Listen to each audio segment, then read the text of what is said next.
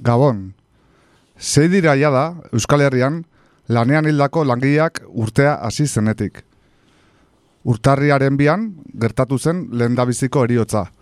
Berrogoita urteko langile bat aldamiotik eroizenean. Egun berean hil zen hogeita mezortzi urteko emakume bat jutsiko baserri batean. Bikotea laguntzen ari zera. Bizia galdu zuen belar pelota batek azpian harapatuta. Urtarriaren lauan, bi langilek galdu zuten bizitza, biak bilbon.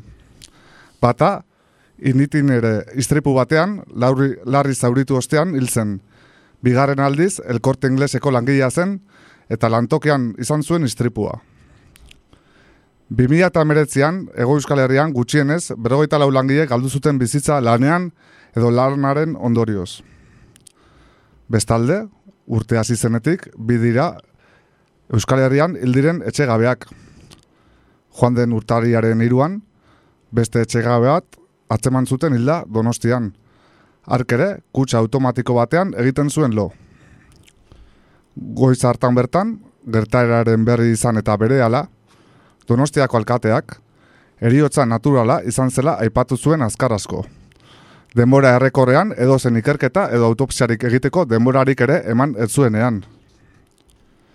Guztionen arira, urtarriaren hogeita marreko greba orokorra, sustatu eta deitu duen Euskal Herriko eskubide sozialen gutunaren ordezkariekin, biltzeari uko egin dio, inigo urkuru, Euskal Autonomia Elkarteko lehendakariak. Gutun baten bidez, erantzun die urkuluk, ela eta labeko ordezkariei, greba deialdia, gehiagizkoa dela, eta ekonomian eta gizartearen egunerokoan, kalteak baino ez dituela eragingo esanez.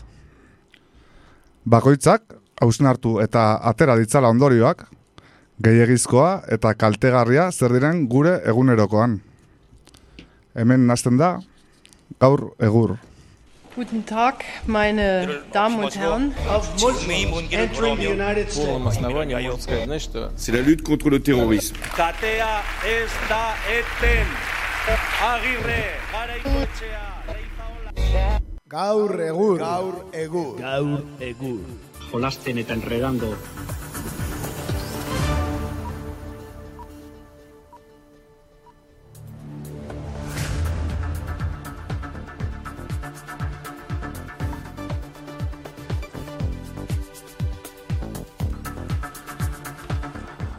Arratxaldeon, hemen gaude astelenarekin beste behin ere arratsaldeko zazpia dira zuzen zuzenean zazpiak eta lau minutu orantxe bertan e, gaur San Sebastian eguna donostia harrek eta azpeitiarek ospatzen dutena, ezta? Ai, tamborrotxak, ez da? Bai, tamborrotxak eta gerraotxak bai dukiren batetan e, Bai, ba, bat, bakoitzak eta itzala bere valorazioak, ez? Urkullu eh, azkar erantzuten die sindikatu nahi duenean, eh? bai, bai, horre, bai denbora lapsoak aldatzen ditu interesatzen danean. Bai, bueno, ba hori xe, e, San Sebastian eguna, hemen tanporrarik ez daukagu, baina, bueno, egur pixka partitzeko gogoa, bai. Beraz, segituan bertan gaurrera joko dugu.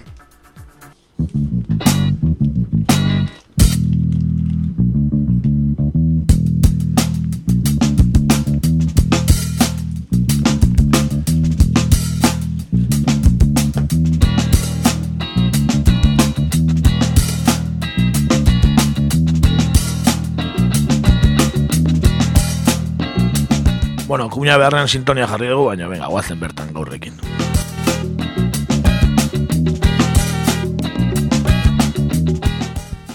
Ba hortxe guaz, bai, bertako kontuak aztertzea. Bueno, aurreko astean eh, presoen gaia jorratu genuen. Eta gaurkoan eh, berriz ere gai berdinari, helduko diogu. Izan ere, aurreko asteleneko irratxa joan, aipatu genuen dispertsoarekin amaitzen bada, ba, bueno, eskualdere jeltzaleak berak egindako lanari esker izango dela, geratuko dela errelato ofizialean. Bueno, ba, guk aipatu eta bi egun geroago, Jonan Fernandezek egin egin zuen. Sánchezen gobernuari presoak Euskal Herrira eta ingurura ekartzeko proposamena egin dio eta.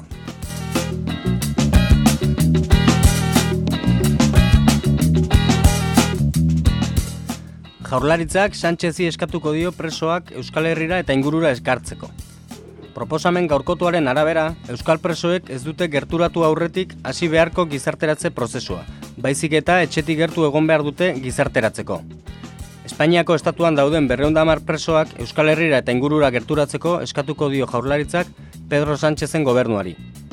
Hain zuzen, lau Euskal kartzeletan eta ego Euskal Herritik urbien dauden Espainiako hiru hirutan bildu nahi dituzte guztiak. Martutenen, Basaurin, Zabaian, Iruñean, Eldueso, Kantabrian, Logroñon eta Burgosen.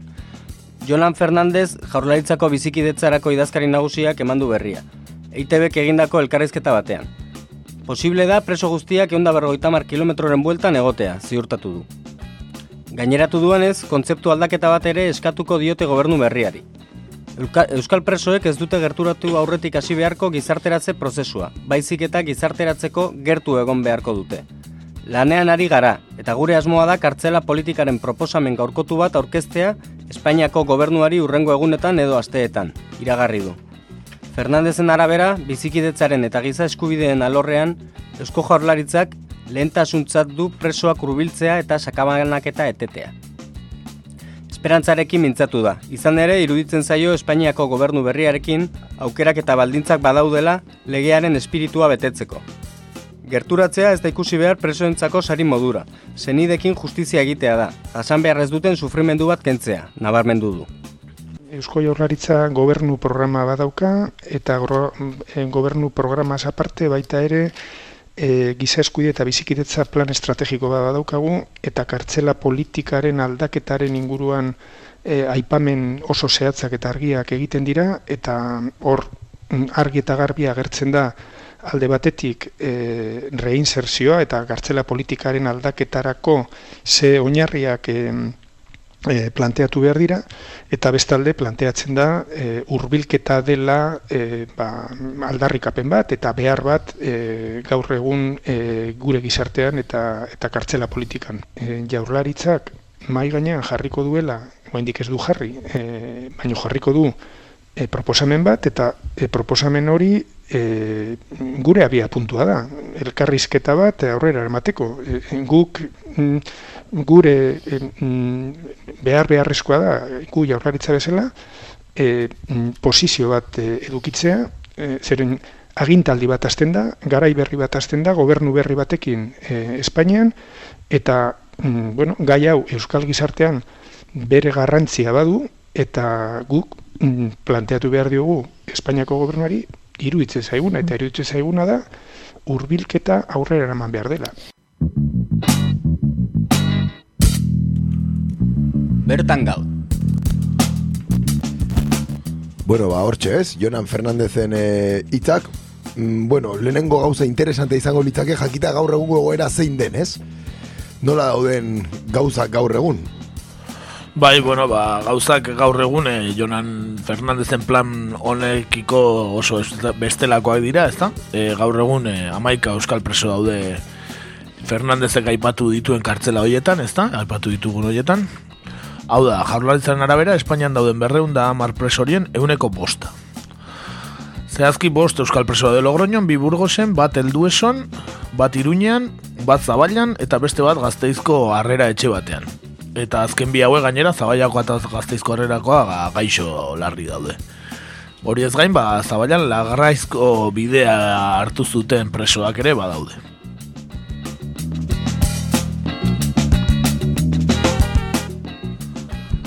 Bueno, ez, eh, Jonan Fernandezek egindakoa ez da lehen proposamena, ez, zentzu honetan, ez da? Ez, ez, gordauko zateagian, ba, Eusko Jaurlaritzak Espainiako gobernuari presoak Euskal Herrira gerturatzeko eskatzen dion lehen aldia ez da. E, 2008ko martxaren amalauan egindako bilera batean proposamen bat egin zion inigo urkullu lehendakariak orduan Espainiako presidente zen e, Mariano Rajoyri. Jaurlaritzak lehendabiziko proposamena garatu zuen Euskal presoak presondegietan birkokatzeko irizpide proposamena. Zeukan izena dokumentuak. 2008ko martxaren amairu arteko data, datua aintzat hartuz, ba, Espainiako estatuko kartzeletan etarekin lotutako kasuetako. Euskadiko naiz Nafarroako berreun eta zazpi herritar zeudela zioen. Dokumentuak, horrelaxe, eta Euskal presoetatik berreun dagoita malau zeudela ego Euskal Herritik irureun kilometro baino urrunagoko espetxeetan. Eta egun da laro eta maoste Euskal preso, bosteun kilometrotik e, aurrera, ez, da, urrutinago. Euskal presoak ego Euskal Herrian eta bertatik berreunda berrota mar kilometro baino gertuago dauden sei kartzeletan kokatzea proposatu zuen orduan e, urkulluk. Berreunda irureta zazpi presotatik, egun da eta mar Euskal espetxetan izateko proposamena egin zion jaurlaritzak e, Partido Popularraren gobernuari. Egun preso zabaian, berroge iruñan, eta bost basaurin, eta beste eta bost e, martutenen. Gainerako iru eta mazazpiak Espainiako ba, hori, gertuenekoetan, ez? Aipatu ditugun logroñokoan, e, hogei. Burgosekoan beste hogei. Duesokoan e, ama bost. Eta gero, e, zuerakoan amar. Eta oain aipatzen ez dien, soriakoan zazpi, eta dueñas palentziakoan bost. E, Urkullu 2018ko kaino eta bostean bilduzten lehen aldiz Pedro Sánchezekin, e, ba, gizuen mozio ez, zentsura mozio baten ondoren presidente bilakatu, bilakatu eta gero. Eta Espainiako gobernu buru berriarekin, e, ba hori, e, urte bete lehenago, emandako bagiri eta proposamen berberak eman zizkion, Pedro Sánchezi. Pesoeren gobernuak, e, ba hori, egin ditu movimendu batzuk, baina espetxe politika ez du, nik inora aldatu, ez da? Eta hori, Fernandezeko laina azaldu du, ba, lastar bilduko dela Moncloako ordezkariekin, eta ez du iragarri aurrez bildukoen e, ba, hori, ba, etxeratekin edo bestelako eragilekin sarekin edo edo biktima batzuen e, ba, kolektibo hoiekin ez, COVID eta AVT eta hoiekin mhm.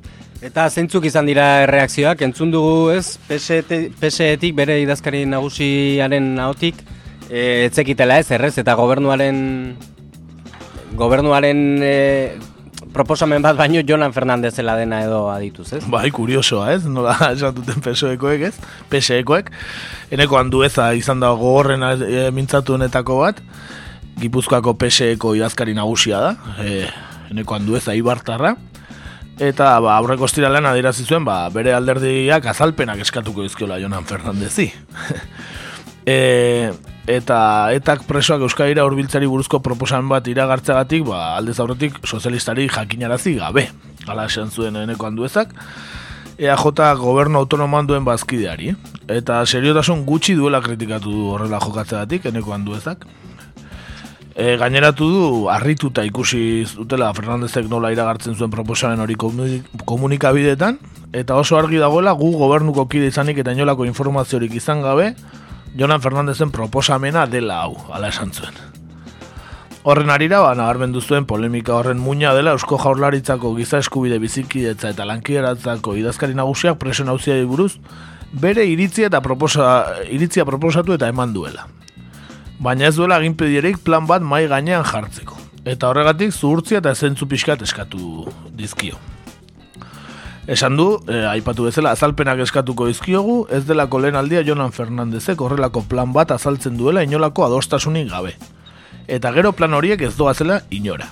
Beraz, seriotasun pixka bat eta bakoitzak lan egin dezala eskumenak ditugun gaietan. Diskrezioz, serios, seriotasunez eta behar den bezala eginez. Aderazi du eneko handuezak eta baukagu bere korte txiki bat, beraz, entzun dezagun. Beraz gai hontan prudentzia, eta apurtxu bat zentzutasuna mai gainean jarri behar da. Eta oso onuragarria da, noski baiet, Eusko Jaurlaritzak, Espainiako gobernuak emoten ari diren aurrera pausuen inguruan eta pausuen inguruan bere babesa emotea.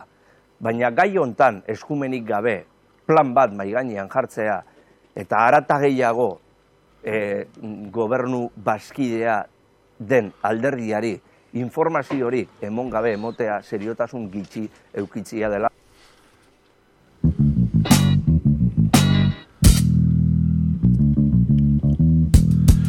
Bueno, ez dakit, Jonan Fernández ez du inorrek estimatzen gehiagi dirudien, ez, eh? Ea jotako eko egian, orain, baina.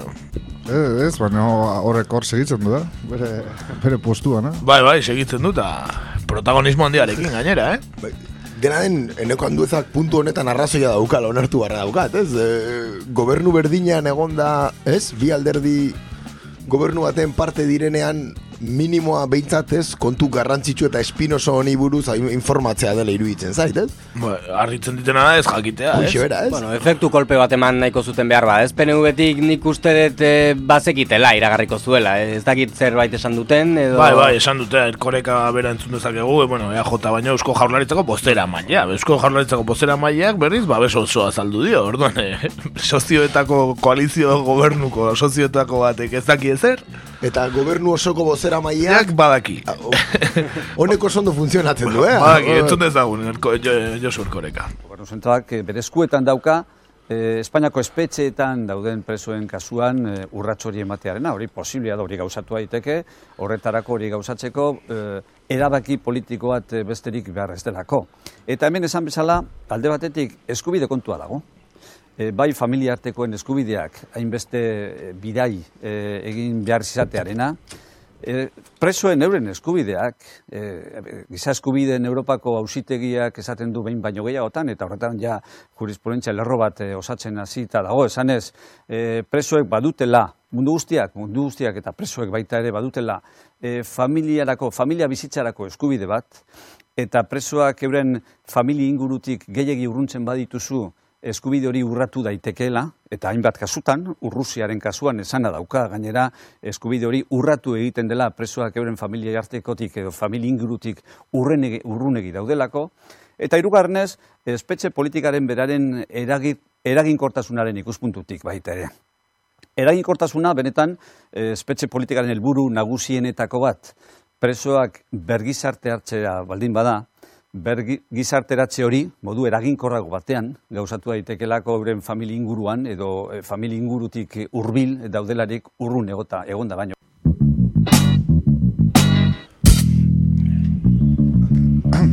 Bueno, ikusten dezakegu babesa azaldu diola eta sintonia berdina Josu Erkoreka, ez? E, presoen familia eskubidea hitz egiten. El mundu berria, eh? Deskurritu erkorekak, eh? Aste honetan. Gora ezagun, e, aste honetan ekitalde indutela usurbilen, e, ba, ume txiki batek urte bete ditulako, oain arte ondala pikasenteko kartzelan aita eta ama dauzkalako.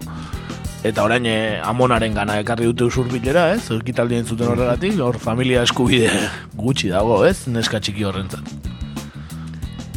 Luego, ez? eta aspalditik, eta aspalditik, hau ez da kontu berria, ez? Ez da kontu berria, eta eta are eta gutxiago jakin da, e, orain proposamen hau egiten duen alderdiak dispertso politikaren bueno, kreazioan edo, ez? Partizipatu zuela ere, ez? Bai, bai, sorkuntzaren muinean egon zan. Eta oso ondo iruditzen zait beraien jarrera aldaketa, eh? Oso positiboa, baina bueno, gauza batzuk ere onartu behar dira, ez? Fiskatze, sinesgarritasuna irabazteko, ez? Bai, bueno, gainan eh, ez da kasualitatea, Bilboko eta Baionako manifestazio ondorengo astean egitea, ez? Eh, adierazpen hau.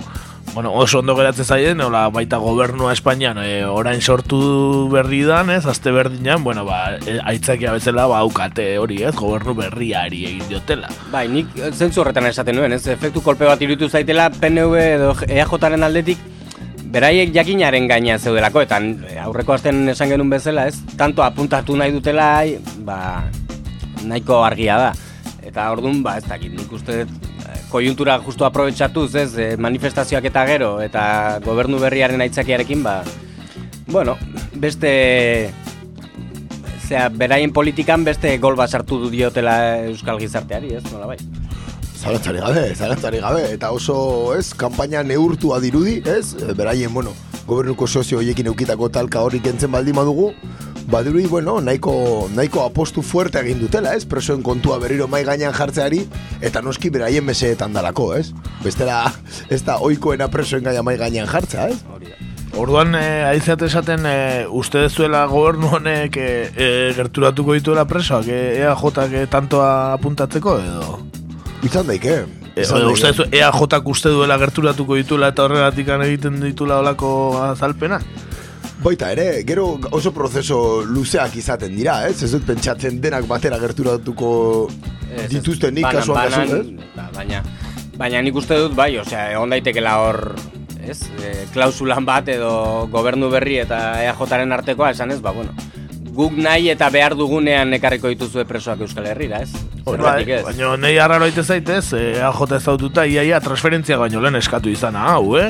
EAJ ezaututa, arraro egin zait hori. Nik esango nuke eta espetxeen transferentziaren kontua kanpainan eta investiduraren arira askotan atera da, ez? Askotan atera da eta de hecho Pedro Sánchezek ere honi buruz hitz egin zuen egun batean telebistan eta egur desente eman zioten espetxeen transferentziaren kontua aipatzeagatik. Bai. Orduan, maniobra nahiko inteligentea dirudi, ez? Ea jota honetarako oso abila da eta egia da ere Madriden zerbait eskaintze, eskaintzeko aukera daukan alderdi bakarra dela. Euskal Herriko alderdi bakarra EAJ dela, tamalez.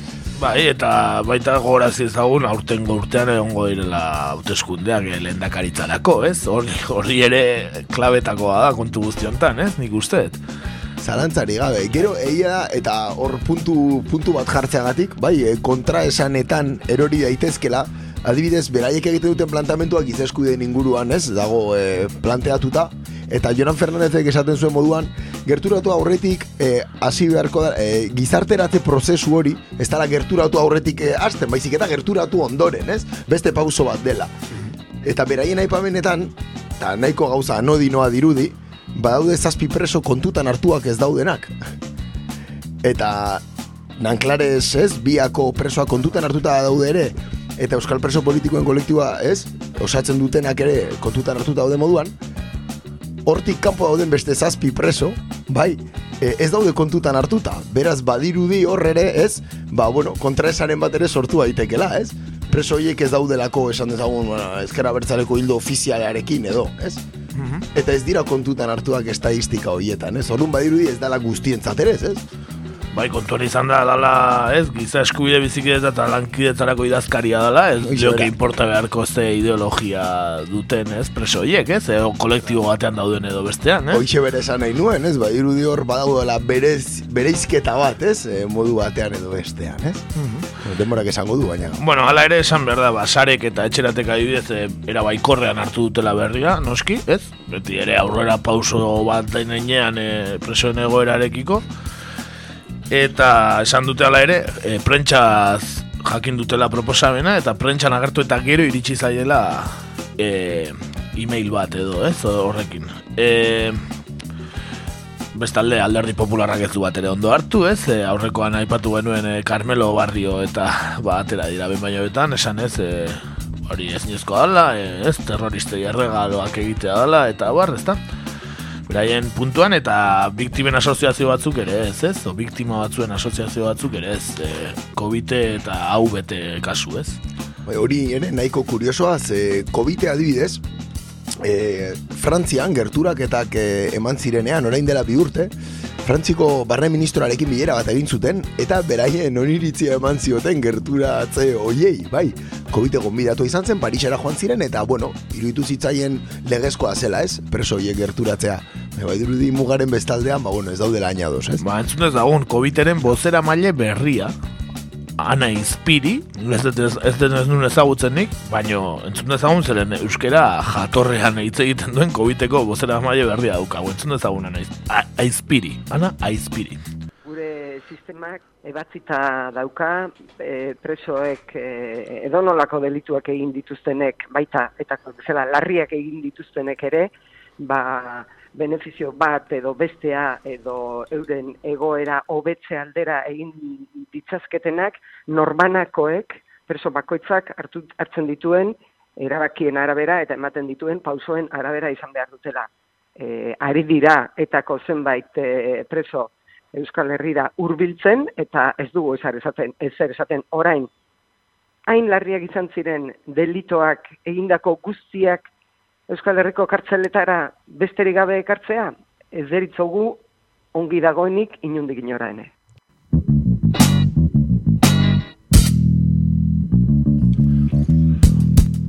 Ez ditut oso ondo ulertzen adierazpenak, naiz eta euskera oso jatorrean hitz egin, ez den, e, batzuk ekartze dituzte eta ez zaie importa, baina danak ekartzea, bai, eta izergatik.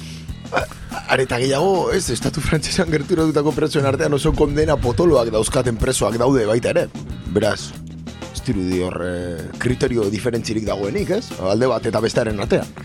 Berain barnean ez da bat egongo da behar bada, eta nola baita ez dakit, e, saiatu da, ba, Bai, itze, itzen bidez, e, danekin ondo geratu nahi. Erdiko bidea hartzen, da. ez?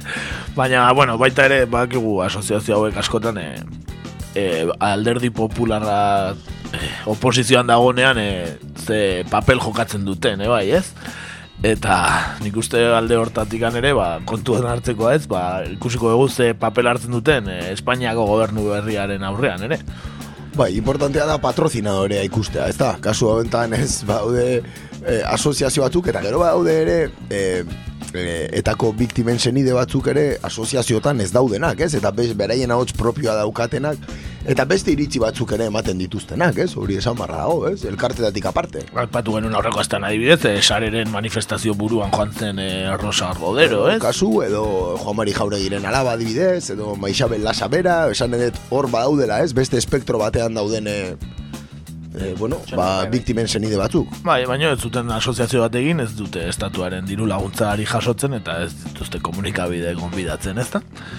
Bueno, e, zeu ze gehiago nahi badezu aipatu, ez dela presoen gaia badirudi aurten bero datorrela eta berriro ere hitz egin beharko degula, así que segiko dugu. Ondo badirituzue? Aurrera. Ba, bueno, ba, presoak etxeratzean lehen zain geratuko gara eta guazen nazio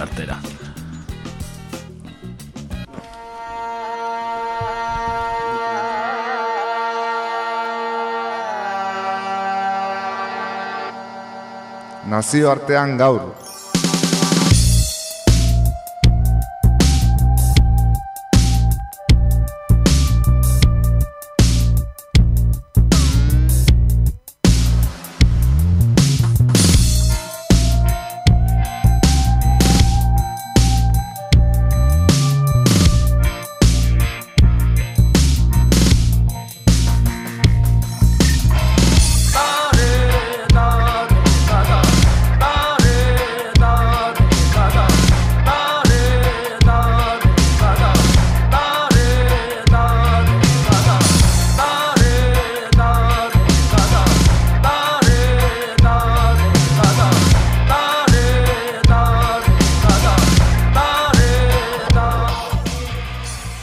Etxean baina etxetik gertu ere geldituko gara aspaldiko partez. Badago zer kontatu eta. Ego Euskal Herrian urtarrilaren hogeita marrerako deitutako greba gerturatzen ari den honetan, Emmanuel Macron Frantziako presidenteak aurkeztutako pentsioen erreformaren aurkako mobilizazio handia bizitzen ari dira estatu frantsesean. Baita iparraldean ere noski. Gaur berrogeita zortzigarren mobilizazio eguna betetzen den hontan, erreforma horrek zertan datzan eta ematen ari diren mobilizazioen garrantzia analizatzen aleginduko gara. Trop nombreux sont ceux qui ont oublié le passé. L'histoire de l'homme, une honte, faut-il te le ressasser? Le monde, une spirale où les mêmes erreurs sont retracées. À force de côtoyer l'horreur, nos cœurs sont devenus glacés. Nous parlent que de profit, la condition de l'homme effacée. Mondialisation et concurrence sont leurs uniques phrasés. Les peuples unilatéralement écrasés, la création menacée. Multinationales et croissance sont tracées, leur route sur nos libertés. Estatu frantsesean, orain berrogeita zortzi egun pentsioen erreformaren aurka abiatutako grebak aurrera darai. Orain arte, trenbideetako langileek eraman dute greba nagusiki, baina sindikatuen arabera, sektore berri batzuk batzen ari dira. Enpresa pribatuak ordezkatuak izan ziren asteazkenean Baionan. Hala nola, Dasolt eta Safran. Publikoan irakasleen mobilizazioa saretzen ari da. Bada, bada aste bat ikastetxen arteko biltzarak antolatzen dituztela. Aste azken goizean, Baionako Estitxu Robles Arangiz kolegioa itxita zegoen. Irakasle eta langile gehienak grebara batu zirelako. Ipar Euskal Herriko beste hainbat ikastetxetan ere, ohikoa baino grebalari gehiago kontatu zituzten. Doni Bane Garaziko Nafarroa Liceoan adibidez. Notre cœur ne bat plus vraiment et notre inconscient est fâché. Stress, angoisse, cancer, dépression, notre compte s'est chargé. Mais on ne cherche pas la cause et les effets qu'on aimerait chasser. Philosophie fast-food pour que nos consciences soient terrassées au nom de la dignité humaine. Txomin Iriart Urruti historia iragaslea da Baionako Estitxu Robles Arangiz kolegioan, eta onuela mintzatu zen. Greban gara erreforma honen honen salatzeko. Gobernua zuzengabetasun oso zari da. Abereatzen eta xumen arteko zuloa etengabe handitzen du. Beti pertsona beren zerbitzuko ari da. Iragazleak grebarako prest daudela azaldu zuen ere. Gure ikastetxea bosgarren aldiz itxita dago eta sentitzen dugu iragazleen baitan zerbait mugitzen ari dela. Gure artean saretzen ari gara eta horren bidez er, eraginkorragoak izan gaitezke. Il y a un problème quelque part, on descend tous. là, c'est de la désobéissance civile, c'est pas de la violence. Il y a une place énorme, une responsabilité énorme dans ce qui s'est joué et ce qui se joue. Trenbideetako langileek eskertzen dute beste sektoren mobilizazioa. Julien de Leon zeieteko kidea da eta abenduaren bostean ekin zion grebari. Gure greba zaila da, luzea da, baina oraindik indarrak baditugu. Beste sektore batzuk mugitzen ari dira, ikastetxe batzuk itxi egin dituzte, Frantziako portu asko blokeatuak dira, sektore ezberdinetako langileen arteko elkartasunari esker lortuko dugu irabazi arte segitzeko indarra, hori adierazi zuen. E, trenbideetako langileek greba arintzeko autoa egin zuten egungo biltzarrean. Inter, intersindikalak deituriko egunetan greba egingo dute, baina greba iraunkorra ez dute denek segurtatuko. D'odométrie et fichage Les rebelles croupis s'endolent Campagne de disparition Marketing pour qu'on accepte les plus dans le corps Faut qu'on se réveille car demain sera pire encore Les murs se resserrent Y'a de moins en moins d'espace Manifestazioaren ondotik, Baionako herriko etxera jo zuten dozenaka ekintzaile bertan La República en Marcha alderdiaren bilkura bat bazelako. Protestariak indarrez sartu ziren, baina Frantziako poliziak eragotzi egin zien bilkura gelara hurbiltzea. La Republik en Marche alderdiari eta Emmanuel Macron Frantziako presidenteari erreforma suntzitzaile hori bukatzeko eskatu zien sindikatukideek. Iragarri zuten ekintza eta mobilizazioek segituko dutela eta biltzar orokorretan parte hartzeko dei ere egin zuten. L'exclu en propageant l'exclusion Exploite les plus pauvres avant la case expulsion Pour la chasse à l'enfant Des CRS dans les écoles Wesh les voiles les dérange mais pas les flics dans les écoles Si on était ensemble Ils pourraient plus semer le Eta guzti honen muinean, ba, erreforma sakon badago, ez da? Bai, bai, kasu honetan oso sakona. Bai, erreforma oso potentea, ez, aurkeztu Macronen gobernuak. E, bueno, gobernuaren arabera guztiok irabazle, sindikatuen arabera guztiok galtzaile. Bai, hori da lehenengo dikotomia, ez, e, sortzen dana, eskotan horrela izaten dana. E, Eduard Philip lehen ministroak, e, aurkezpenean dei bat egin ziren frantsesei e, unibertsalitate berdintasun eta ardura baloren inguruan batzeko bai, republikaren, bueno, ba, kontu horrekin, denen baturarekin, ez, herrialdea aurrera ateratzeko deia egin zuen, eta, bueno, helburua azkenean da, kontu hau erreforma hau alik eta azkarren onartzea. Bai, e, urtarriaren hogeita lauan, hau da, aste honetan, ministro kontseiluan aurkeztuko dute erreforma, e, otxaia amaieran, parlamentuan bozkatzea nahi dute, eta 2000 eta hogei urtea amaitu aurretik legearen onarpen definitiboa egin nahi dute, erreforma honek, ba, bueno, ez, atzera, atzera ezina bihurtu dadin. Hm?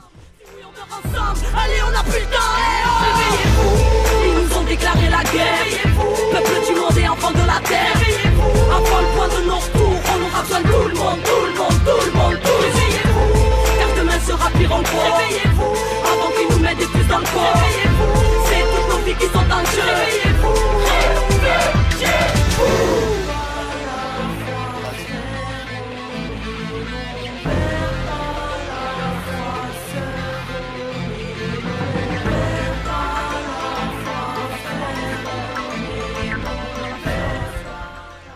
Eta zertan datza erreformak zehazki?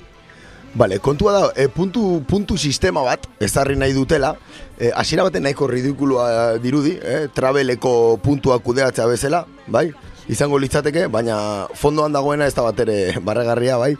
E, kontua da, langile bakoitzak, bere, bere ibilbidean, puntuak lortuko ditu, bai, bere karrera profesional guztian zehar, eta hauen jarraipene internetez egingo du, bai? Eta puntu hoien arabera, lortutako puntuen arabera, ba, e, geldituko zaion pentsioa kalkulatuko da e, telematikoki. Bai, hori da sistemaren e, funtzionamendua. E, kontua zein da, sistema honek, erreforma honen ondoren, e, ibilbide profesional osoa hartzen duela kontutan. Orain arte etzen horrela. E, e, adibidez, enpresa pribatutako langileentzat hogeita bost urte onenak hartzen ziren, izpide bezala. Hemendik aurrera, karrera osoa hartuko da. Beraz, berak egingo dute, bai, pentsioek. E, funtzionarioentzat ordea, azken sei hilabeteak hartzen ziren kontuan, eta orain behaien ibilbide oso hartuko da kontutan. Hori lehenengo puntu importantea. E, erreforma hau, e, irurogeita amabost garren urtearen ondoren, jaiotakoei aplikatuko zaie, bai? Eta 2000 eta hogeita bostarte, e, arau zarrekin kalkulatuko zaie pentsioa, baina hortik aurrera ja, e, erreforma berriarekin, hau da puntu sistema e, famatu honekin, bai? Bestalde, 2008an jaiotakoak, hau da, 2008an emezortzi urte beteko dituztenak, ba, sistema berria guztiz integratuko dute. Bai, 2008 aurrera, sistema horretan egongo die, puntu sistemarekin. Hm? Hori funtzionamenduaren inguruan. Nun dago gai potoloena edo nun sortu da kontrobersia gehiena? Ba, bueno, erretiro adinarekin sortu da. Bai, e, gobernuaren erreformak e, orekarako bai, e, adinaren neurria deitu duen horretan. Zer gertatzen da? Ba, bueno, e, paperean erretiro adina irurogeita bi urtetan finkatuta gelditzen bada ere, pentsio osoa jaso alizateko irurogeita lau urtea arte lan egin beharko dela. Hau da, erretiro adina bi urte atzeratu dutela, erreforma honekin. Eta hau izan da, sindikatuen bandera edo ez, e, nagusia, puntu honekin amaitza gero ikusiko dugun moduan. Gero badaude lanpostu batzuk, ez? Erregimen berezia izan dutena oain arte, bai?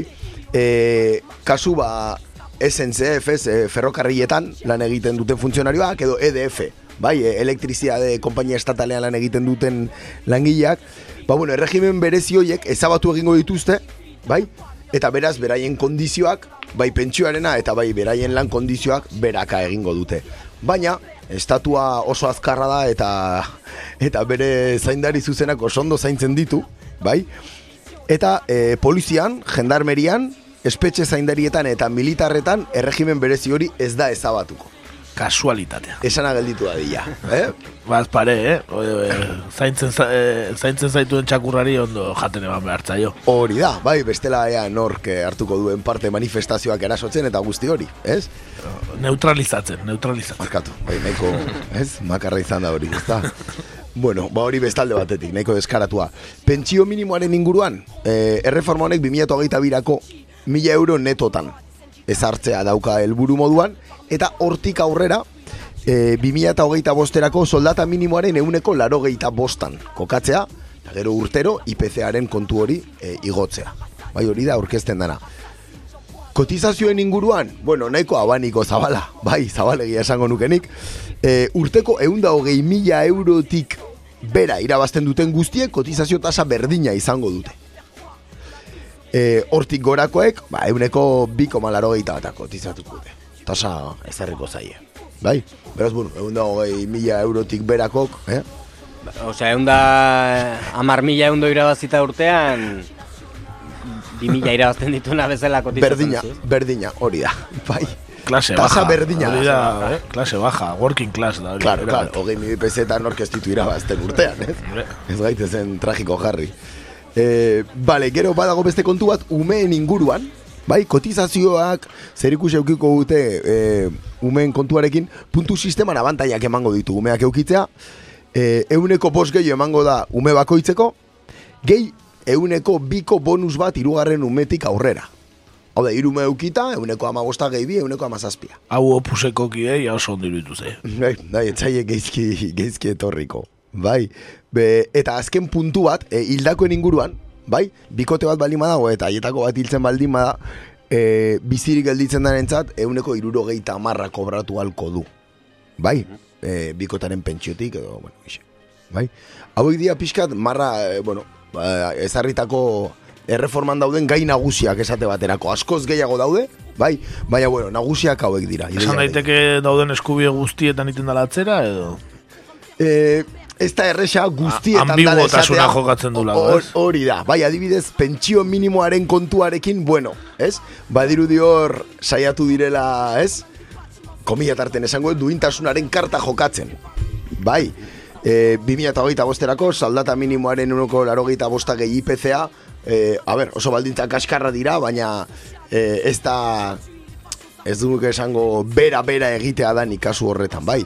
Batez ere kontua hor dago erretreta adinean, bai, retiroaren adinean, bi urte gehiagora e, igo nahi izan dutela, eta eta horrek altxatu duela, bueno, ba, ba, bueno, mundu sindikal guztia, beraien kontra. Bere garaian egin ziren mobilizazio esker eh, lortutako adina delako, ezta? Hoixe bera. Hori, ze noiz Mitterranden garaitik daukate erretiro adin hori edo... Ez nago ziur Mitterranden garaitik edo txiraken garaitik dan. Bai, ez daki, larogei garren amarkadan lortu zan, larogei garrenen o larogei tamar garrenen. Ez nago ziur. Bai, baina bueno, hori lortu egin zan, ez? Bai, bai. Noiz baitez? Espainian irurogeita zazpira igo zutenean ezen inor kaleratera, eta begira, Frantzian gertatzen ari dena erkin ere, notizia asko nik ez ditu zentzuten, naiz eta berrogeita zortzi egun jarraian eraman, ez? Berrogeita zortzi egun eta, eta, eta oso potenteak gainera, eh? Nolako mobilizazioak izaten ari dira? Ba, mobilizazio nahiko potoloak, orokorrean. Bai, eh, herrialdea nahiko paralizatuta egonda, egun zehatz batzutan esango nuke era bat paralizatuta egon dela, Eta horgako izan zen e, mobilizazioak erreformen aurkezpenaren aurretik hasi zirela. Bai, hau da, abenduaren bostean ja, eta hurrengo gunetan e, e, SNCF, dala e, frantziko e, e, trenbide sare publikoaren konpainia, eta EGATP, dala Pariseko metroa e, kudeatzen duena, bai, ja greban hasi ziren, abenduaren bostean. Bai, erreforma okerez banago amaikan aurkeztu zuten. Bai, e, ideia bat egiteko, hasieratik bi konpainia hauetan, e, euneko berrogeita amabosteko gre, grebalari kopuru egon zan, baina gidarien artean euneko larogeita bostera iritsi zen. Karo, gidariek greba egiten balima dute, ba, noski ez dago trenik. Mm e, adibidez, irakaskuntzan euneko irurogeita amabosteko kopuruak registratu dira, bai hilabete honetan. EDF-en, dala elektrizidade kompainia nazionala, euneko larogeita bosta. E, manifestazioen kopuruen ingurun, ba, estatu frantses osoan, lehenengo egunetan milioi bat bosteun mila pertsona bildu ziren, gehien bildu ziren egunean, ideia bat egiteko.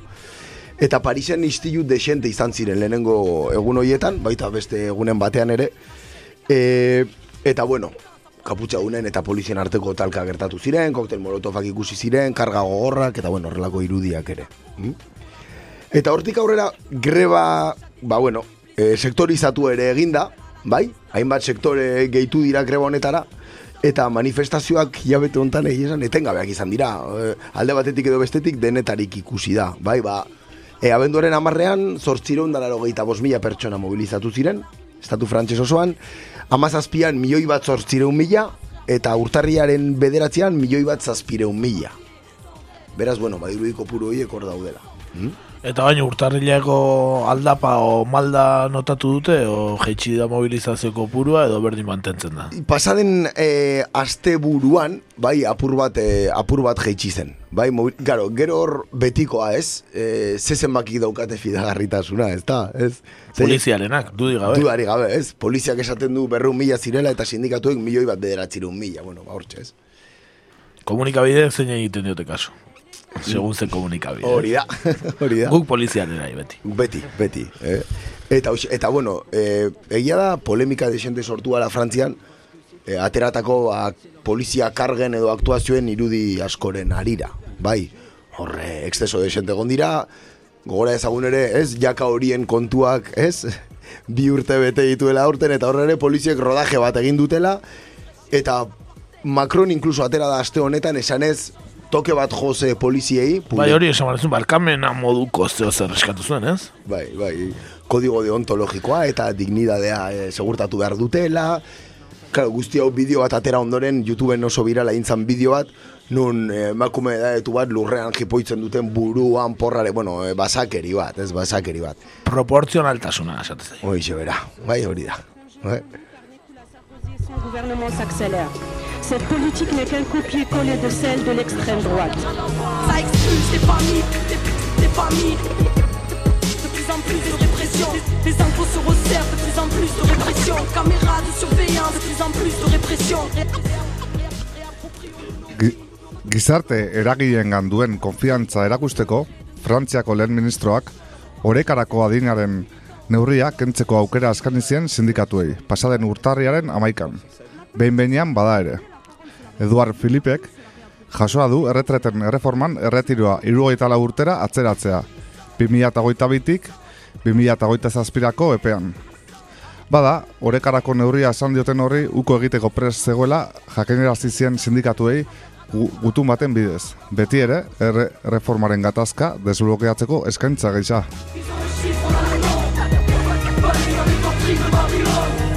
qu'il faut, c'est réinventer son outil. On doit comprendre que pour se défendre, il faut se rassembler. Sindikatu erreformisten babesa lortzeko saioa da, azken finean lehen ministroaren propo, proposamen hori. Ize- izan ere, erreformaren neurri nagusietako batean, atzera egiteko presegonda ere, nekez erakarriko ditu CIET, FO, FSU, Soliders eta CGC sindikatuak. Erretreten erreformaren aurkako protesta mugimenduak hogeita garren eguna bete zuen atzo, eta manifestazio handiak egon ziren Frantzian eta Ipar Euskal Herrian, Baionan hain zuzen ere. Ce qui nous tient et ce qui doit nous tenir avant tout, c'est l'amour. C'est la chose la plus importante au monde. La rage, elle vient de l'amour, frère. Parce que sans amour, il n'y a pas la rage. Erretreten finantzeketaren eta orekaren inguruko konferentzia martxan jarriko da aurki. CFDT sindikatu nagusiak nahi zuen moduan. Eta haren ondorioak 2008ko aprilian plazaratuko lirateke. Bitartekari lanetarako agirik arroko zuzendari nagusi hoi den Jan Jakes Maret proposatu du Filip lehen ministroak. Erreforma boskatu aurretik, CFDT-ko tren babesa lortu nahiko luke, barkatu, CFDT-koren babesa lortu nahiko luke gobernuak. Prière. Prends soin de tes pensées, demeure où l'essentiel pour ne plus broyer de la pierre. Le système est un mirage, les barrières illusoires, les angoisses sont des vagues auxquelles Babylone veut nous faire croire. Le cœur détaché, tout comme Bueno, zein dira sindikatu nagusi honen proposamenaren helburuak edo? A ber, hor... Desmobilizatzea? Dudari, gabe, claro, claro, hor gobernuak zer egin du, ba, bueno, ez klasiko, bat, dividi benzeraz esaten dana, ez da, hori, ez, eh, ez dago oso argi zergaitik esaten duten pres daudela eh, erretreta adin hori atzera botatzeko behin-beinean, ez? Zergaitik behin-beinean, zer esan nahi du horrek, ez? Noiz arte, zer, zer... Mo, ba, mobilizatzeko galmenik ez dago arte, ez? Hori da, ez, ematen duena, ez? Orduan, karo, CFDT sindikatu oso potentea da Frantzian, sindikatu nagusia, eta eta pres dago, ez? Mai horretan esertzeko, bitartekari horrekin, eta azken finean gobernuak lortu nahi duena da bere babesa, ez? E, erreformaren kontu honekin, hainbat, e, ba bueno, puntutan agian, ez? Pixka bat zedituz, ez? Baina erreformaren oinarria hor utziz.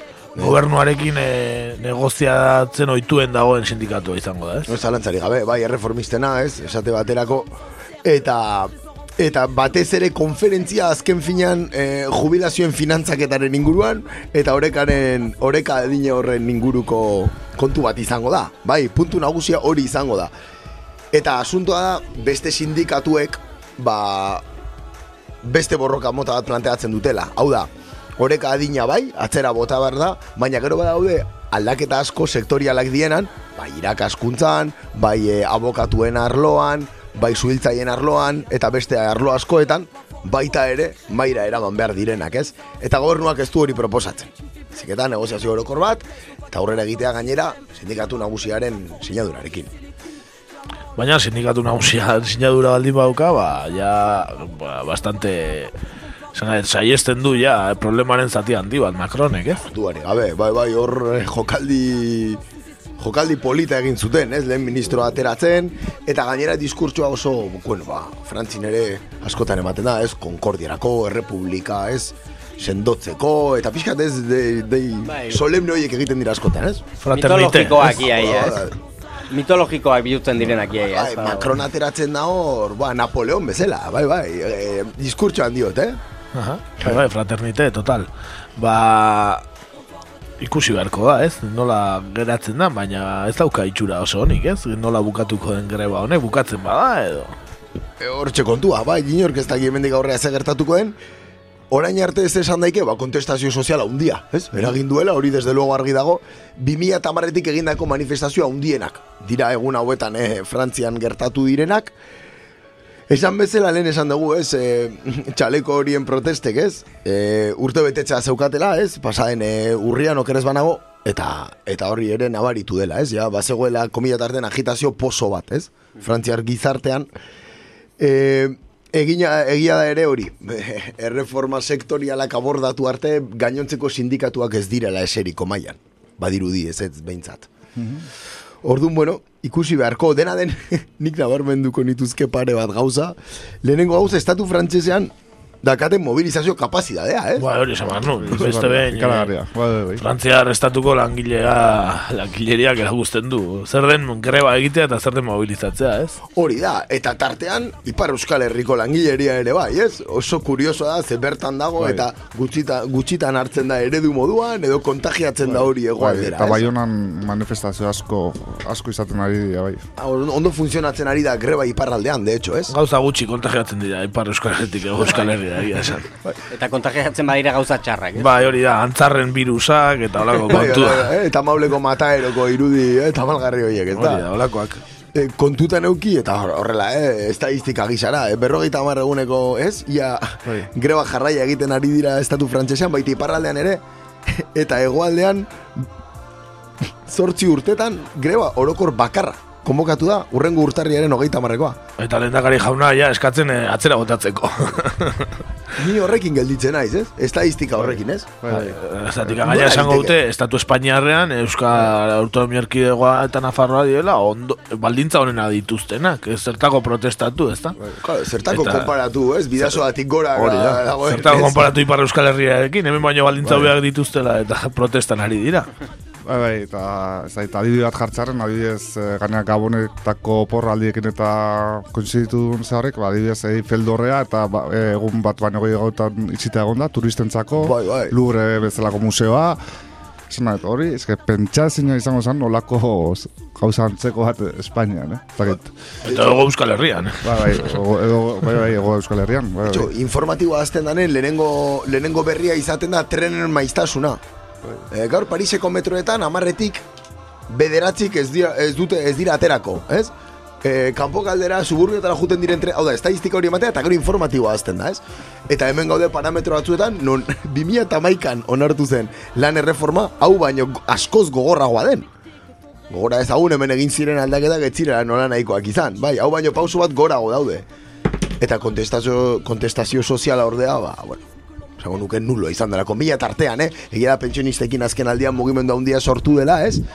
Baina azken sortzi urteko balantzea egiten bali dugu, nik uste eta sincero izango nahi, sindikatuak ez dutela beharien soldata irabazi. Eh, salbu espena izango da pentsio, pentsio dunen kontua, ez? Horiek asko ari mobilizatzen, aste, astero, astelenero, astelenero, eh, martxa handiare egin zuten, e, era bat garri dira, bueno, beste sektore guztiok, ba, Hoxe, baina, eh, behin baino gehiagotan hemen komentatu duguna, ez? Azkenean, orain protestatzen ari direnak, dira bere garaien eskubide batzuk lortu ziren da, berdinak.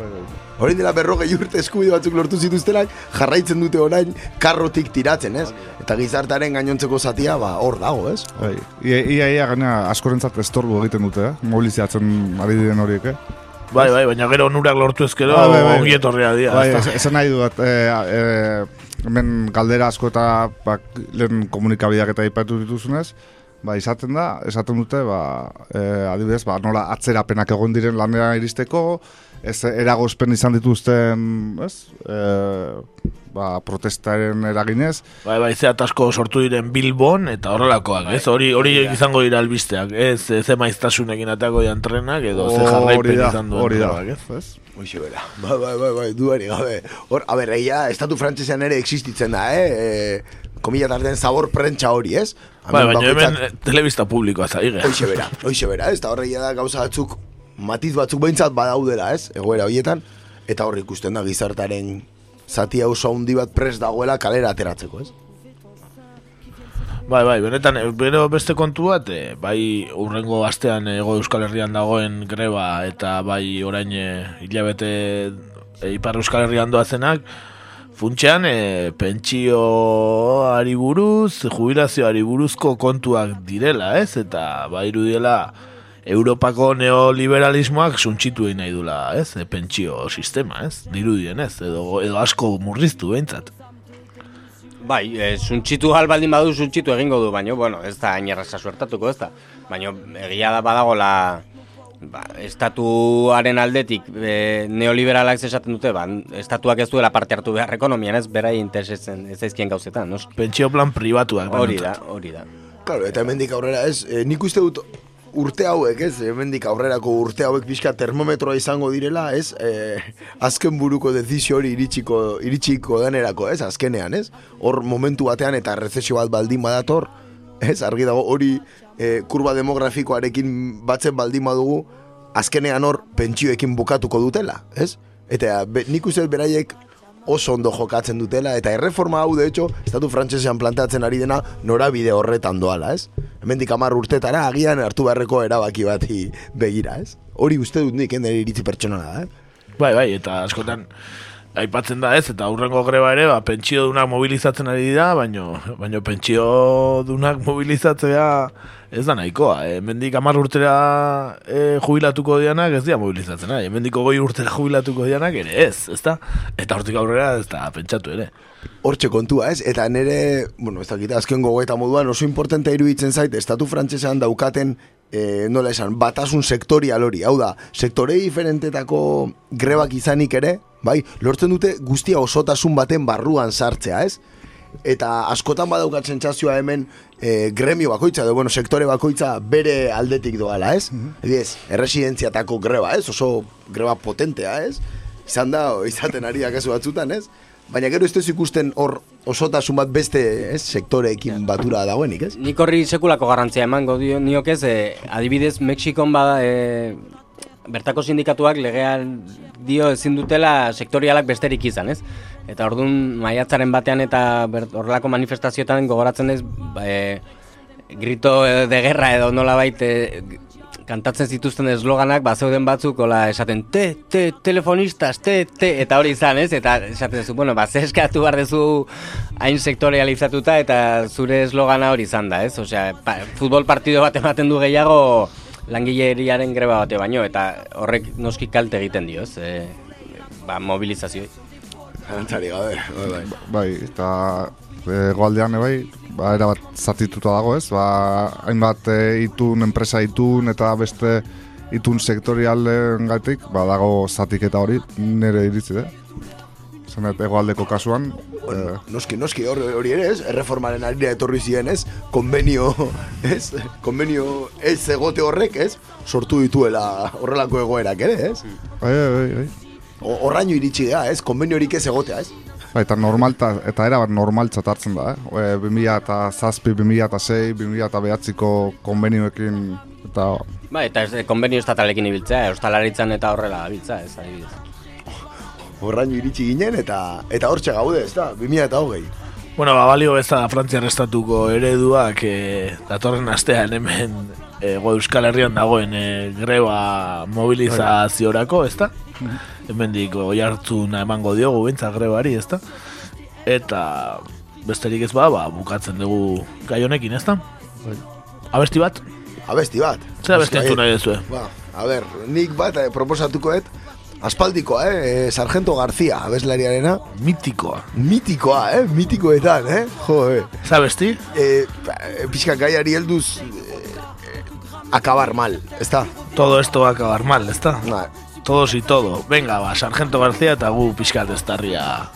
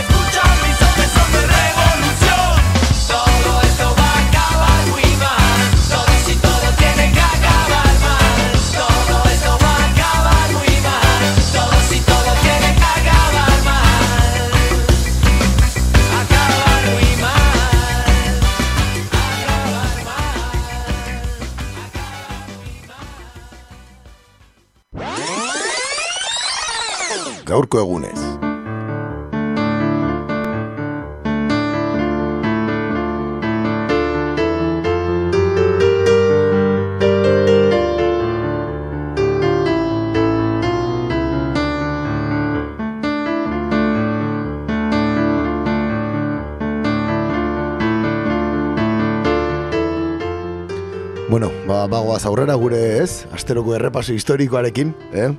Hain zuzen ere duela berreunda zazpi urte, mia zazpireunda larogeita mairuan, onelako, egun batean, eta Frantzia irautzaren arira, sortutako egoerari esker, oraindik oihartzuna duen gertakari entzutetsu batek leku izan zuen.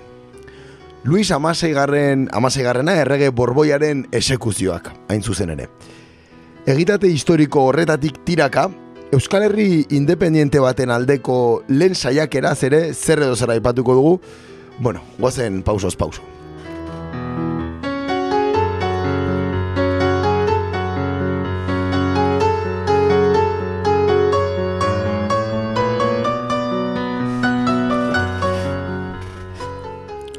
Nor zen Luis amalaugarrena, amaseigarrena barkatu, eta zer lazio deku zuen eduki zezekaen Euskal Herriarekin.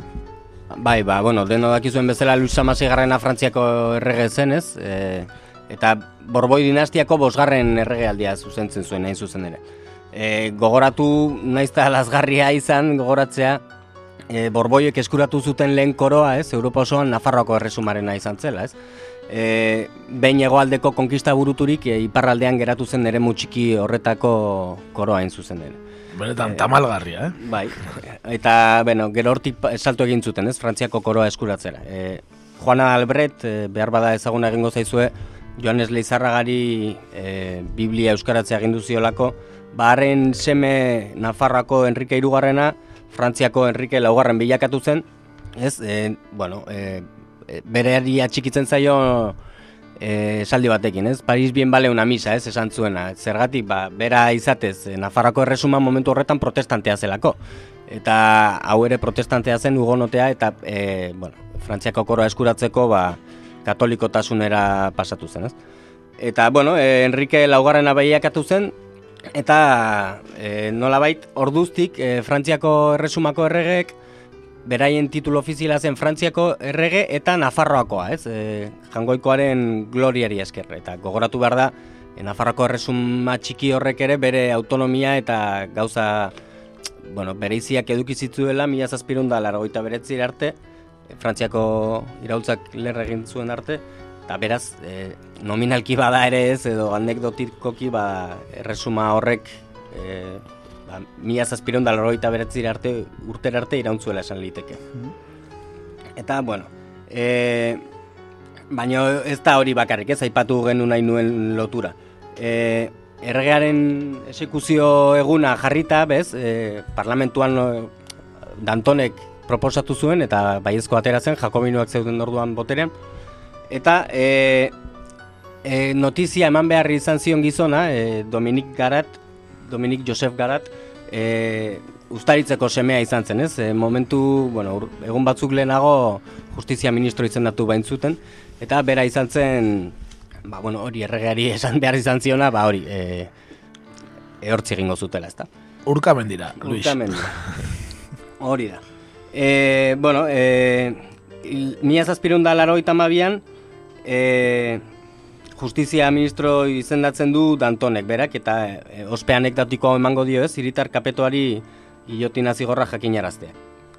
Erabakiarekin ados ez zegoenez, bera girondinoa zen, e, kargoa bertan bera utzi zuen, ez? Eta, bueno, horrek ez zuen ekidin, larogeita mairuan urtebete beranduago, barne ministerioaren buru izendatzen dutela, eta, bueno, bere agindupean egindako tirabirak medio baino arazo politikoengatik gehiago, ez? Badakizue Girondino eta Jakobino arteko tirabirez, ba espetxeratua da, ez? Espetxeratua da, baina Robespierren laguntasunari esker aize geratzen da aske. Hori ez da eragozpen izango hala ere garatek datorren urtean Robespierren kontra bozkatzeko eta bueno, badakizue nola, nola bukatu zuen, ez? Jakobino famatuak, arre- aierro mata, aie- aierro muere, ez? Esaten den moduan. Ba, bueno, urkamendian eskegita, danton bezala.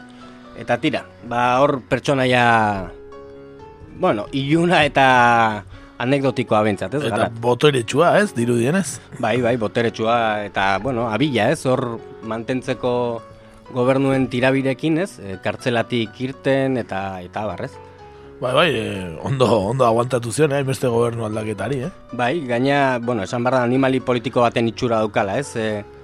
E, ge- gero etorri zen Napoleon, ez? E, mila zazpireun dalaro eta meretzian e, Brumario emezortziko estatu kolpe famatua ematen du, ez? E, kontsulatuaren garaia irekiz, eta mila zortzireun dalauan e, imperioa, ez? E, bera e, emperadore izendatzen da, baina, bueno, tarte horretan, e, garat ere ba, senatari izendatu zuen Napoleonek eta gero zarren biltzarreko kide eta barrez. Baina ez hori bakarrik, ez? E, Napoleon mila zortziron da malauan, behin betiko, egun, eguneko gobernuaren ondoren, Waterloon menperatzen duenean, ez, dutenean, ba, hortik aurrera e, ireki zen errestaurazio garaian ere, e, bueno, ez zuen inungo arazorik eduki, e, iraultza garaiko kargu hain boteretsuak eduki eta gero, ez? Eta, de hecho, oso ongi bizi izan zen, ez? Bere eriotzar arte. Ostra, eh, bere garaiko Rosa Diez, eh, izan zen, eh, gara. Bai, gutxi gora, bera. Ostra. Baina, ala ere, bazeuden beste, badago beste pertsonai bat, ez? Taleran dana, e, hartzerri ministro izan zela Luis Amarisei garrenarekin, gero Napoleonekin ere bai, eta ondoren etorri zen Luis Emezortzi garrenarekin ere bai, ez? Beraz, garaian animali politiko asko zeudela ematen du. Rosa Diez asko. bai, ez da. Ba, eh. burokrata batzuk, eh, beti hor hau mantentzen direnak, eh? Habilidadea, eh, leku, eta gaina garai horietan, ze hor nahiko erresa zan, ez? Eh, Gillotina Burua galtzea, bai, bai, eta garbi. Azea, abilezia horre, ibiltzeko. Baina, beno, eh, nahi bota diazu amua eta irentzi dut, esan diazu Euskal Herriko independient, Euskal Herri independiente baterako lehenengo saiakerari buruz hitz egin bargen zen igula, ez? Hala da, ez, e, bueno, e, garat e, famatu egiten duena, garat, bueno, gogoratu behar da, garat bia nahi zirela, ez? E, Dominik, Josef Dominik hau, aipatzen ari genara hau, eta gero Domingo, beste e, euskaltzalea, euskaltzaleago hau baino, nolabait e, literatur eta kultur munduan gehiago sartuta zegoen, ez? Eta hau politika. E, baina, bueno, egia da, honek, e, Josef Dominik garat honek, Napoleoni proiektu bat aurkeztu ziola, mila zortzireun da irumaz, eta mila zortzireun da amaik artean e, garatu zuena, fase desberdinetan esan liteke, baina, bueno, e, bere helburua zen Fenizia berria deituriko estatu bat planifikatu zuela, ez? Eta Nueva Tiro eta Nueva Sidon provintzietan banatuta egongo litzateke, gogoratu Feniziak, e, Fenizioak gaur egungo Israel inguruan kokatzen zirela eta handago gaur, gaur egun ere tiro existitzen da, ez? E, Libanon uste dagoela eta bere garaian sekulako hiri potentea izan zen eta Sidonen ere bai, ezta? Eta bueno, e, bi provintzia hauetan egongo litzateke banatuan, Nueva Tiro hegoaldean, Nueva Sidon iparraldeko zatia eta Euskal Herriko zazpi lurraldeak bat hartuko lituzke. Beti ere noski Frantziar Errepublika edo Imperioaren e, eraginpean, ez? Or, orbitan, nola? Hori da.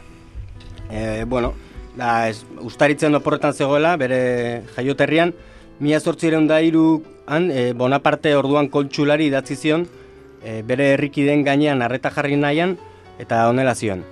E, Frantziako iraultza ia ulertu ere ez duten fenomeno handi bat bezala pasatu da, eta helen ziren bezala utzi ditu. Gazteek er, Euskal Herriaren egoera, garatek barkatu, Euskal Herriaren egoera emankorra aipatu du, eta Espainiarrek euren artean hiltzen uzten dituzten hainbeste ondasun guregana erakartzeko beharra aipatzen du. Hori guztiak kontsulatuak proiektatutako Pirineoen berrantok lanketaren barruan. Eta estatu balizko estatu honetan, ez? E, itxas soldadutza baino ez litzateke egongo, hizkuntza bakarra euskara izango litzateke eta ez euskaldunen etorrera baztertuko litzateke. E, irakaskuntza hizkuntza horretan bertan egingo litzateke larramendiren eta hoien arten testuak bezalakoak erabiliz, ezta? Eta, Bueno, protekzionismoa bintzat bai, eh? bai, Gutatzen bai, zuen. guztiz. Latza. Baina, bueno, eh? Pirineotako, eh? Errepublika, eh? Izango ginateke orduan, eh? Zein daki. Bai, bueno, a, gero esan beharra dago Napoleonek interesatuta baino gehiago eh, maniobra ebasibo bat erabiliz nik uste esan ziola interesatuta zegoela eta lan gehiago egin zezala, ez? E, proiektuaren inguruan, noski atzeratzeko moduan edo esan liteke.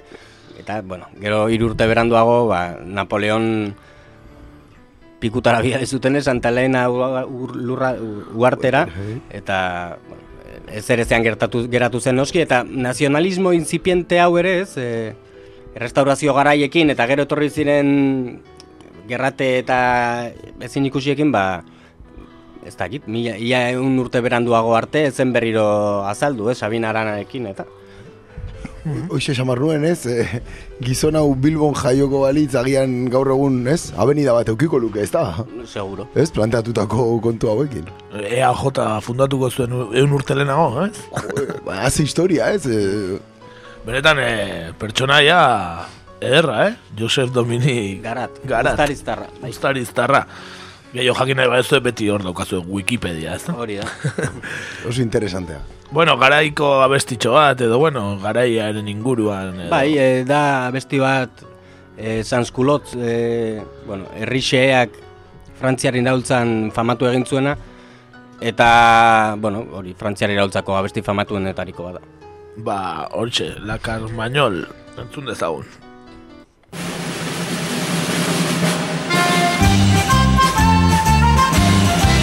Madame Veto avait promis, Madame Veto avait promis de faire égorger tout Paris, de faire égorger tout Paris. Mais son coup a manqué grâce à nos canonniers. Dansons la carmagnole, vive le son, vive le son. Dansons la carmagnole, vive le son du canon. Monsieur Veto avait promis, Monsieur Veto avait promis d'être fidèle à son pays, d'être fidèle à son pays. Mais il y a manqué, ne faisons plus de quartier. Dansons la carmagnole, vive le son, vive le son. Dansons la carmagnole, vive le son du canon. Antoinette avait résolu, Antoinette avait résolu de nous faire tomber sur le cul, de nous faire tomber sur le cul. Mais son coup a manqué, elle a le nez cassé. Dansons la carmagnole, vive le son, vive le son. Dansons la carmagnole, vive le son du canon. Le patriote a pour ami, le patriote a pour ami. Tous les bonnes gens du pays, tous les bonnes gens du pays. Soutiendront tous au son du canon. Dansons la carmagnole, vive le son, vive le son.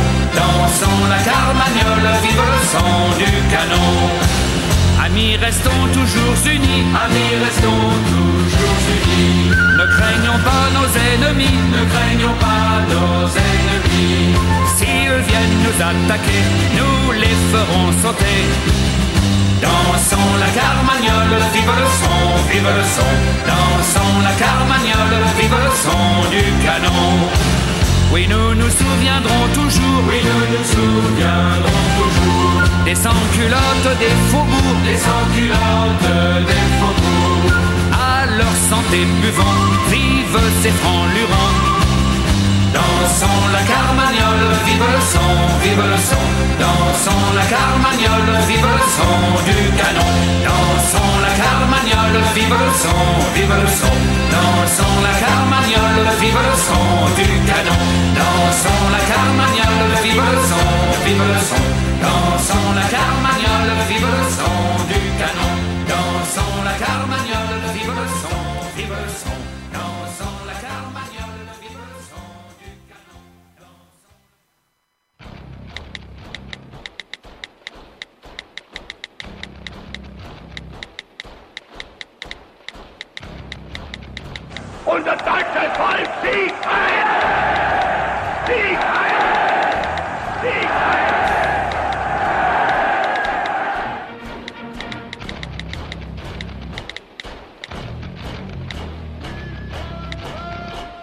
Badatoz SSA. Sare sozialetan egur.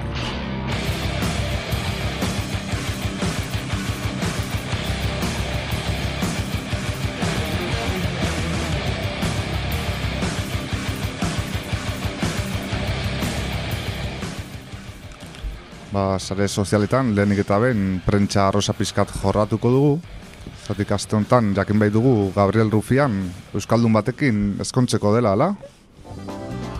Ala dirudi, ala dirudi, ez? E, esko, e, prentsa arrosa ez da ila presente ez la geratu hau e, gure irratxa joa, baina Euskaldun batekin ezagutu ezagun pixka gehiago.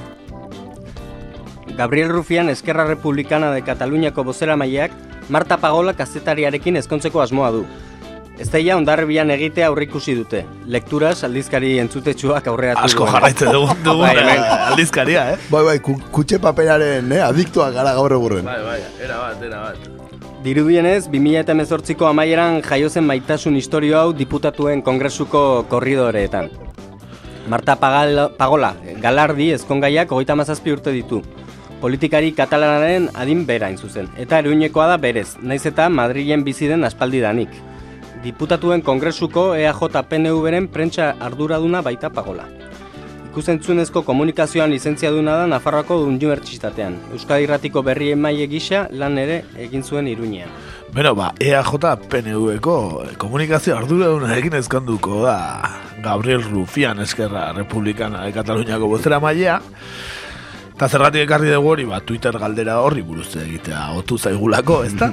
e, aipatu aurreko astean e, galdetu genuela zein ministerio falta zitzaion Espainiar gobernu berriari eta irabazi duela goleadaz Banco Santander ministerioak. Ba, hortxe, sortuko ez? dugu orduan. Bai, bai, bai. Baki guzen izango den ministra, ez?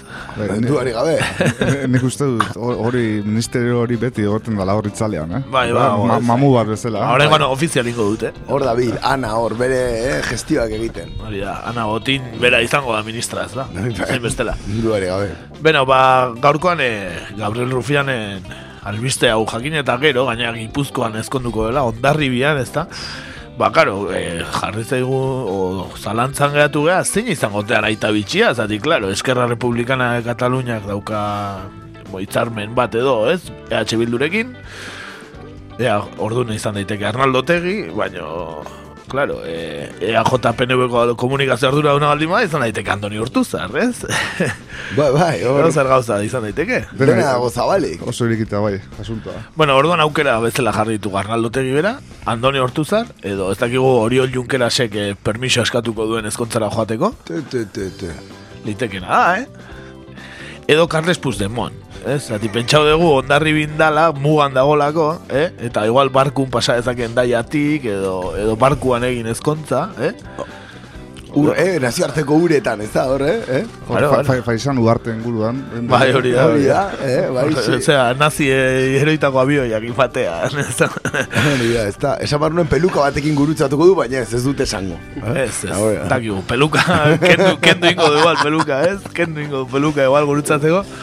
Bueno, ba, hortxe txioa eta bakizu astebete daukezuela erantzuteko. Ea zein izango den Gabriel Rufianen ezkontzako aita bitxia, eh? Hortxe daukazue. Eta horixe, prentsa arrosari dagokionez.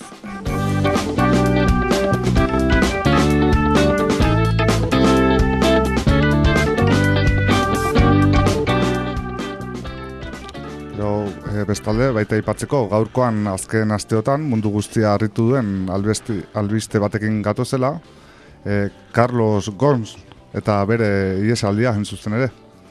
Bai, zein da Carlos Gons, hau. Bueno, ba, motorraren mundutik, Japoniako justiziatik iesi egin duen ga- gaizkile, bueno, mo- motorraren munduko guru bat izatetik, Japoniako justiziatik iesi egin duen gaizkile izatera pasada, Carlos Ghosn, bere ba, gai kontu guzti honek nazioarteko prentxan ba, horri pilo bat bete ditu azken asteetan, eta baita Libanoko kafe elkarrizketetan ere. E, Nissan salbatu zuen gizona bezala goretxia izan da Carlos Gons, e, negozioen arloan zuen trebetasunagatik, e, ba, adibidez, manga komiki bateko protagonista izatea iritsi zen, ezta? Japonen, ikusteko ze famatu da zen, e, ja- Japonen, ezta? Ba, esan Osakatikan iese egin duela Beirutera bidean, e, Tokiotik Osakara eta Osakotik Istanbulera eta Istanbuletik e, Beiruten bukatu duela. E, abenduaren hogeita marrean ies egin zuen. Eta jada bideojoku bat ere baduka. e, gon Gone is gone, deitzen da. Eta, bueno, e, protagonista ez da Carlos Gos da, Loskar Gorn. Loskar Carlos al revés da. Bai. Eta gon, Gosnen eh, ordez Gon. Eta, ba, hogeita lau ordutan, ies egin beharko du e, mafia zo, zorroz batuen eskuetatik, bideojokuan, ez? Eta mafia kartel horren izenak, e, ba, ja, da, nahikoa e, ironia dauka, zati dira Ruso, Nison eta Bishi-Bishi. Zaren, e, karo, e, Carlos Gonzan zuzendara Nissan, Renault eta Mitsubishi. dena, ez da? e, bueno, e, predikada hauek alua utzita, iruro eta urte, urteko gizona Carlos Goz, iruro eta bost urte, eta Brasildar, Frantziar eta Libanotar naziotasuna ditu. Ciano del mundo, eh? Bai, Ciano bai, del mundo. Carlos Ghosn. Bai. Bai, bai, globalizazioaren ikurra dugu Ba, Ghost, baietz. eh? Eta ba hori, Renault, Nissan eta Mitsubishi aliantzaren burua, eta merkatura ateratzen diren bederatzi autoetatik bat ekoizten duen erraldoia, dela ez goratu behar dugu, Nissan, Renault eta Mitsubishi dena, eh? Bederatzitik kotxe bat talde ontakoa da.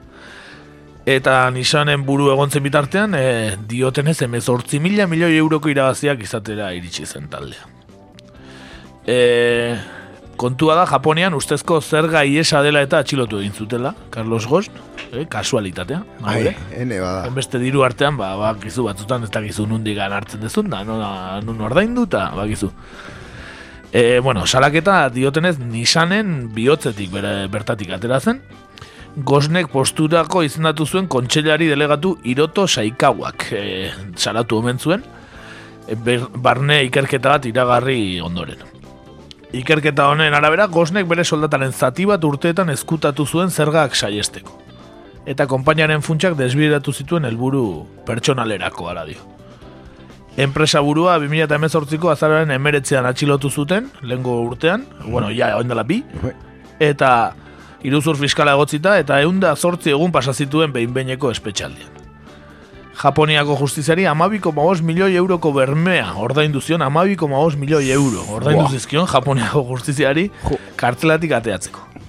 Baina Carlos Gosnek berriz kartzelatzeko beldurra zuen eta ba, esan dugu bezala Japoniatik ies egin du ba, oso era berezian gainera.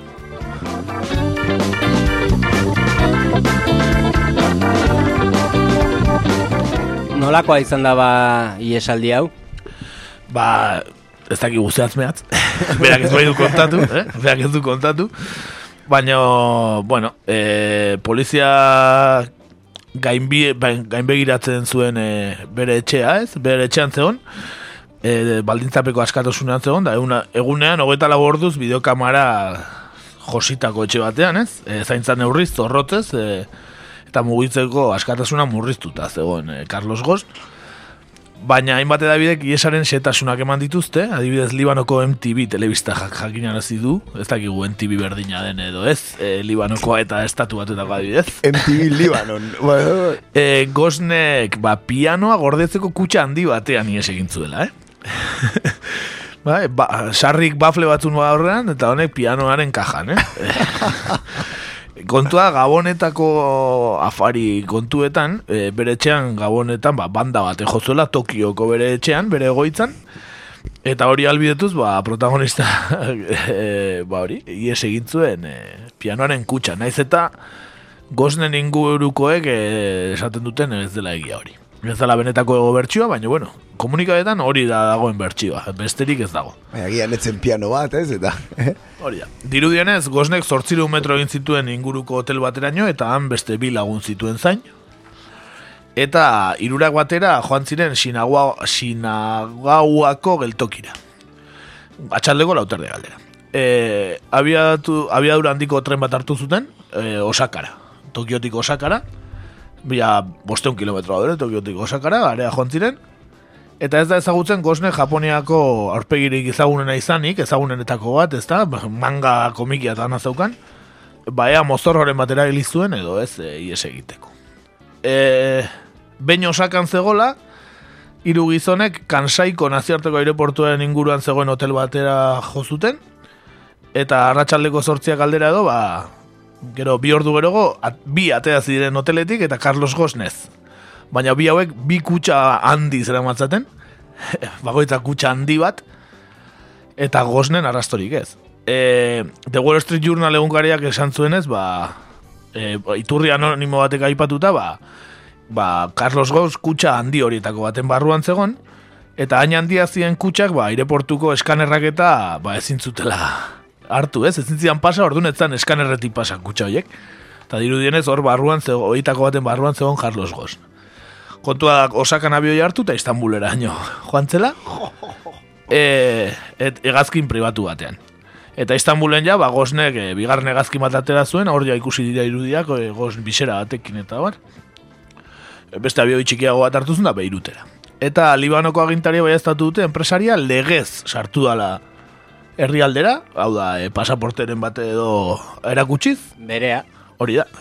Bera, ez? Eta diotenez, e, Libanoko ba, zeuken naziotasun agiri bat, eta Frantziako pasaporte bat erakutsi omen zituen. Kontua da, esan bezala, Libanoko, Frantziako eta Brasilgo herritartasuna du, baino Tokioko abokatuaren bulegoan e, e, hartuta zeuzketen pasaportek, ez? E, bere baldintzapeko e, Bai, askatasunan arira, eh? askatasunarekin, Bai, ba, claro, pasaportek erretiratuta zeuzkan. Baina dirudienez Frantziako bigarren pasaporte bat zeukan. Omen, oikoa omen da, enpresa buru handiek eh, bi pasaporte ukitzea. Zatikan... Eh, Seiotarako edo ez? bai, seiotarako, zatik, igual Israelea jumbaldi mazea, gero Iranea jute mazea, Iraneko ez dizuzten sartzen, eh, Israeleko seioa daukazulako pasaporten, eta olako gauzak. Ordu badirudi, ba, beste pasaportea ziotela erretiratu, eta horrek, pasaporte horrekin sartu dala Libanon. Jude, Carlos Gosn, eh? Ikaragarria. Argi dauna da, Carlos Goz e, Libanon daula, nori inorrek ezin dukatu, zatik prentxaurreko emantzun lehen gazten. Mardula. Bai, bai, eta komunikabide handi batzu ere, ba, BBC eta eman die elkarrizketa. Ez du esan nola alde egin duen, baina, bueno, ba, esan du pairatzen ari dena just, injustizia handi badala, errugabea dala, eta bar. Benetan, e, historia kurioso. Jo, baiet, eh? Benetan, eh? Carlos Gosn. Eskapista bat, eh? Bai, e, gure sarri kapitalista, esango da, ez? Bai, bai, bai. Sarnandie modernoa, eh? Eta nor zen pianoa jotzen zuen. Immanuelen papela egiten zuena. ez dakigu, ez dakigu. Ez dakigu, ez dakigu. Japoniar, eh, ez dakit, pianista famature bat izango zen, baina ez dugu ezautzen. Baina argi dauna da, esaten dute amabi milioi euro edo kostatu ote zaio ni esaldi guztia, eh? Amabi milioi euro. Beste, ordain zuena bezain beste, ez? Hori esan nun fiantza bai, fiantza, bai, esatu dute, fiantza eta iesaldiarekin 25 milioi euro edo utzi dute dituen. Bueno, Libanon ez da gizki bizi, ez? Beiruten egongo da. Bueno, orantxe berz da Olibano momenturik onenean, eh? Ez, ez, ez. Zatikan, da, eh, bai. ustete bankutatikan eta ezin dituztela berreun euro baino gehiago atera egunez, eh, egunero, edo lako zer, eta Carlos Gosne berak esan du, bera ere ez diotela usten diru gehiago ateatzen. Ah, ez, eh? Vale. Olako zer esan du. Kriston etxe batean da Libanon, hori bai, eta Nissanek eh, esan du Libanoko etxe hori Nissanen adala, ez dala Carlos Gosnena. Kriston Proboste. Osea, okupa bezala dauka Hori gordo, hori no? da, hori da. Ocupa, ez era, Carlosek denari ematen dio, eh? Baina, bueno. Libanoko gobernuarekin kriston erlazioa dauka. Batzuk esaten dute industria ministro egingo ote duten Libanon, beak esan du ez dela politikan sartu nahi, baina Libano hori laguntzeko oso prez dagoela, eta bar, eta bar. Hace reklamoa, eh? Gaia, ez, eh, eman zuen prentxaurrekoan superstar bat bezala agertu zen, ez da? Jende Ba, pilo bat bere zain, igual berreun kazetari, ez? Ba, bai, erabateko superstarra. Eta kriston txapa sartu zuen, gainera lau hizkuntzatan, no, ez? Uste dut arabia rezin zuela, frantsesez, gero inglesez, bai. gero beste hizkuntzan bat ere erabili zuela, kriston, bai, bai, bi orduta laur deneko, kriston, bueno, mago Bai, garri zan. Bate batek ba, jakin nahi bau zatikan daukan Brasildar, Japoniar eta Frantziar naziotasuna, bueno, Brasilien jaio zan, e, Carlos horratik, e, eta gurasoa uste Brasilarra dela, baina Libanora joan zian bizitzea Carlos Gorson oso gaztea zela, eta gaztaro, bueno, ba, umetaatikan e, ikasketa guztiak eta Libanon egin zituen, gero ja unibertsitateko ikasketa egita Frantzia juntan, eta ja han, bueno, ekonomilari, eta hortik gora, gora, gora, eskale, eskaileretan gora, gora, gora bizitza osoan, eta nisango zuzendari izate itxi zen. Jo, Carlos. Beraz, benetan historio bikaina. Eh? Bai, bai, bai, Gaurkoa. bai, aparta, aparta, bai, bai, bai, benetan, eh? Ba, hori, iesaldi honekin pelikulakoa, esate duten Netflixeri ere eskubida saldote dizkion, pero imagina, luzerako daukagu Carlos Goz, ne? Jo, baiet. eh? Okerragoak ikusi izan dia Netflixen, ez da? Bai, bai, bai, bai, okerrago asko daude. Hau barrun, bai, bai, bai. Bueno, ba, ba adiongo gara, ea zertatzen da, Carlos Gozenekin, ez daki e, zer moduzko zerbitzu, zerbitzu sekretua dauzkan Japonek, ez dakit e, Yakuza batzuk bialiko dituen Libanora edo zer, baina bueno, ikuste, ikusteko izango da, eh? Lanak eukiko dituzte hor Hezbolaren kontra egiteko, ez da? Bai, bai, Hezbolak igual planatuko zuen, edo Sola Maniren azkeneko ekintza izango zen bere iesaldiaren plangintza, eh? Ojo. Nor daki, nor daki, bai. Nor daki. Hortxe pelikularen spoiler bat, ez da? Hori da, hori da. Eh, Hortxe, hortxe bukaera Netflixeko pelikularen zat. Ba, mote. E, ba, hola, xe, kontua Carlos Gosnenak. Gustago zitzaizuelakoan, ba, ba, hause gaurko geneukana. Gaurkoa ere bete dugu. Bai, bai, bai, hortxe... Ez? Irratzaio mardula gaurkoa ere. Bai, bai. Jo, baiet, eh? denetari, den, denetari kontatu dugu. Bai, bai, gauza gehiagi egia, baina bueno, bestela zatika entzun dezatela entzulek. Hori da, pauseri eman eta horrengo gunean jarraitu, ez da? Hori da, hori da.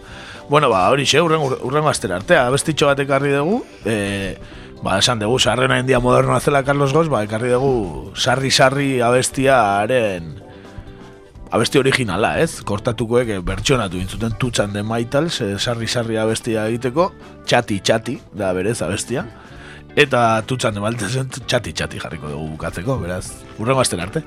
Aio. Gaiztok izan. Azte honega pasa. Ba, hortxe, txati-txati.